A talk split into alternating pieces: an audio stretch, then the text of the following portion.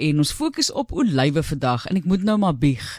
'n Diep diep diep sagte punt vir olywe. Dis een van daai dinge wat ek so baie van kan eet en olyfolie natuurlik ook. Ons het fantastiese olyfolies in Suid-Afrika en daar's onlangs ook toekenninge uitgedeel vir die bestes in die land en 'n baie bekende familie in hierdie rigting ook, die Costas, Linda Costa wat met ons gesels. Sy is die stigter van Olives in Fact en ons vind uit hoe jy jou eie olywe kan inlê. Baie welkom Linda. Middag Martelies. Baie geluk aan al daai wonderlike olyfolie produseerders ook in Suid-Afrika, maar ja, dit gaan baie ver terug as jy nou kyk na die gebruik van olywe en die inlê van olywe. Weet julle hoe lank terug dit was? Ek lees 6000 jaar, maar nou weet ek nie of mense heeltemal verkeerd is daar nie. Ja, nee, dit is dit het 'n lang geskiedenis Martelies. Ja. Weet jy, um, ja, in die begin het hulle het hulle van Europa olywe oorgestuur na ehm um, um, na Amerika toe en toe vind hulle gou uit dat iets fout gaan as die skip 'n bietjie lank vat. En so stadig gaan hulle besef as hulle eers die olywe laat fermenteer, dan hou hulle vir die vir maande op die skip op die skepe. So dis ek dink dis waar dit begin het om te besef dat as jy die olywe eers ordentlik fermenteer, dat hulle dan 'n lang rakleeftyd het. Wanneer is dit gewoonlik oestyd vir olywe in Suid-Afrika? Altyd in die herfs, so net na die somer, so van die vroeër kultivars oesemens, hierso van maart maand, die manzanillas en die baronis. En so april, mei is dan die die lekker swart olywe, die kalamatas en ehm um, ja, in mission olywe. Ja. Byvoorbeeld. So watter een is die beste vir inlê want jy weet jy dit, dit is ek weet nie wat die sukses rasio is of die suksesverhouding is nie maar ek dink mense sukkel maar baie keer daarmee. So wat is die maklikste een om in te lê? Is is daar 'n makliker een om in te lê wat dalk nie so maklik pap raak nie of wat ehm um, goed goed geur ook absorbeer? Ja, weet jy, daar is sekere soos byvoorbeeld die manzanilla wat 'n baie lekker eetolyf maak, maar jy moet hom groen oes. As hy eers ryp word op die boom, dan is hy sommer klaar pap voordat jy eers begin. Maar die beste om as 'n ryp olyf in te lê is sekerlik kalamatas.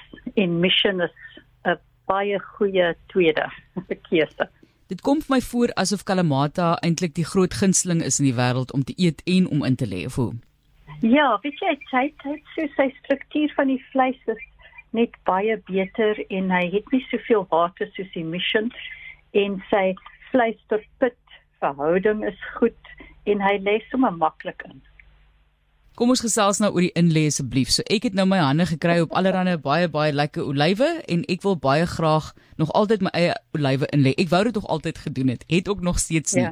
Daar's nie agterplase 'n paar boontjies wat hopelik vir ons 'n paar olywe gaan lewer eendag, maar kom ons praat oor daardie pekelwater. Wat het 'n mens alles nodig?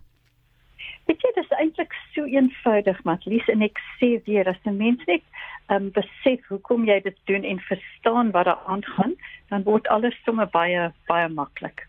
Al wat jy nodig het is 'n grove sout om 'n 10% soutoplossing te maak. En dis wat ek vir die vir, vir my kliënte sê. As jy lekker ryp olywe het, nee, sê maar Kalamata olywe wat lekker swart gekleurd is, maar nog nie pap geword het op die boom nie. So, ehm um, ja, as die olywe al klaar pap is, gaan hulle nie jy weet meer ferm word deur die fermentasieproses. So jy moet hulle oes as hulle lekker ferm is en dan in 10% soutwater hou die olywe onder die water. Jy moet hulle eintlik onderdruk, jy weet met 'n gewig op 'n bord of 'n ding. En dan dan moet jy net baie geduld hê. hoe lank, hoe baie geduld het ek nodig? Dit vir vir kalamatas ten minste 6 maande. Maar weet jy die die geluk is dat as jy hulle kan van hulle kan vergeet en daar los vir 12 maande raak hulle net lekkerder en na 18 maande is hulle nog lekkerder.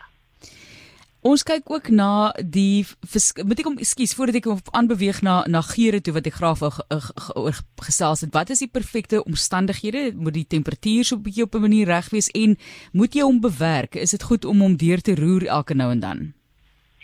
Weet jy, um, dit dit sou miskien 'n goeie idee wees, maar weet jy om die beste fermentasie resultate te kry, is dit belangrik om jou um vloeistof tot vrugverhouding op op sy laagste te hê. So jy wil soveel vrugte as moontlik in 'n houer hê. Goed. En dan net jou soutwater tussen die olywe soort van. Dit gee vir jou die beste kanse van 'n heerlike fermentasie om plaas te vind want alles is natuurlik nie ons um, dit hang af van die van die mikroorganismes wat om die olywe is en so ons wil eintlik die grootste ehm um, ehm um, verhouding van smaak en mikroorganismes in daai soutwater hê wat moontlik is. En ons kan dit kry as ons nou soveel olywe as moontlik in 'n houer het en dan maak ons hom net vol met olywe. So om die kanse om dit nou te roer is 'n bietjie moeilik. ja. so, ek sou sê met 'n klein emmertjie is dit is die roer nie so belangrik nie, maar soos jy in groot maat ehm um, voortgaan, dan is dit eintlik beter om op 'n manier die soutwater te kan sirkuleer om die olywe. En dan dit is dieselfde as om die olywe te roer sonder om jou olywe seer te maak. Ja, dit is juist die ding, jy wil hom nie kneus eintlik nie, nee. Ja. Ja. Ons gesels met Linda Costa, sy is stigter van Olives in Fact en ons vind uit hoe jy om jou eie olywe in te lê. Sy het dit nou so maklik laat klink dit ek kan nou nie wag om eendag dit te doen nie. Maar Linda kom ons gesels oor verskillende geure. Jy weet jy kry mense wat um, dalk baie keer suurlemoen bysit en ek voel baie keer mense moet pas op as jy suurlemoen geur bysit dit baie keer smaak vir my soos daai opwasmiddel wat ons almal gebruik in die in die kombuis, jy weet jy kry daai seep smaak. Waar gaan dinge verkeerd daar met die geure? Weet jy wat Lies, die probleem kom dikwels daarin um, dat mense as jy kyk na tradisionele resep dan word mense dikwels um um gesê om die olywe te spoel vir 3 weke, oggend en aand om die bitterheid uit te kry. En 'n mens kry wel die bitterheid uit want daai oleuropein is wateroplosbaar, oplosbaar, maar die probleem is dat alles wat word wateroplosbaar word dan ook verloor. So al jou heerlike geure word dan by die drein afgewas, spoel. So ek sê um, en dan na na die 3 weke se spoel is jou olywe definitief nie meer bitter nie, maar hulle smaak nie eers meer na olywe nie en die met die gevolg dat mense dan iets moet bysit om om iets na iets te laat smaak. So ja. dan kan jy enige ding bysit wat jou jy weet na jou smaak. Maar ek sê altyd as ons net daai olywe kan kry dat hulle hulle beste smaak deur die natuurlike prosesse en daarna as die olyf eers klaar gefermenteer is en hy's mikrobiologies stabiel, dan kan 'n mens 'n bietjie sielemoen bysit as jy wil, veral met die skil of jy kan roosmaryn, 'n bietjie knoffel as dit na jou smaak is. Nee, dan kan 'n mens lekker rondspeel.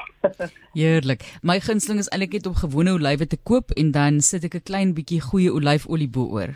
En eet hom so. Dis dan net dan kry jy die beste van beide wêrelde dink ek. net so. En weet jy wat die die mense besef nie of baie mense besef nie dat 'n uh, gefermenteerde olyf so 'n 'n ongelooflike probiotika is. Goed. Nee, al daai melksuur organismes wat die melksuur gifting doen en daar's 'n hele verskeidenheid van hulle. Maar dis alles wat ons liggame eintlik brood nodig het. Dan gaan dit baie goed met my maag. Dis al wat ek sê. Daar word baie olywe geëet. Ja, dit is vesel bly en olyfolie. So dis eintlik 'n geskenk van die hemel dink ek. Ja, en ons het van die beste in Suid-Afrika. Linda, baie baie dankie weer eens vir die gesels en um, ek hoop julle het 'n goeie oes wat dan nou volgende jaar of volgende jaar ja vir die, vir julle ja. voorlê met herfs. Baie dankie. Ja, baie dankie Matelies. Dis Linda Costa, sy is die stigter van Olives in Fact en met ons gesels oor hoe om jou eie olywe in te lê. En weer eens onlangs was dit die Suid-Afrikaanse olyfolie toekenninge. Daar is top top olyfolies in ons land en daar het jy nog gehoor hoe gesond dit ook vir jou is. Geniet daai inlê, laat my weet hoe dit vir jou gewerk het wanneer jy in die volgende seisoen is.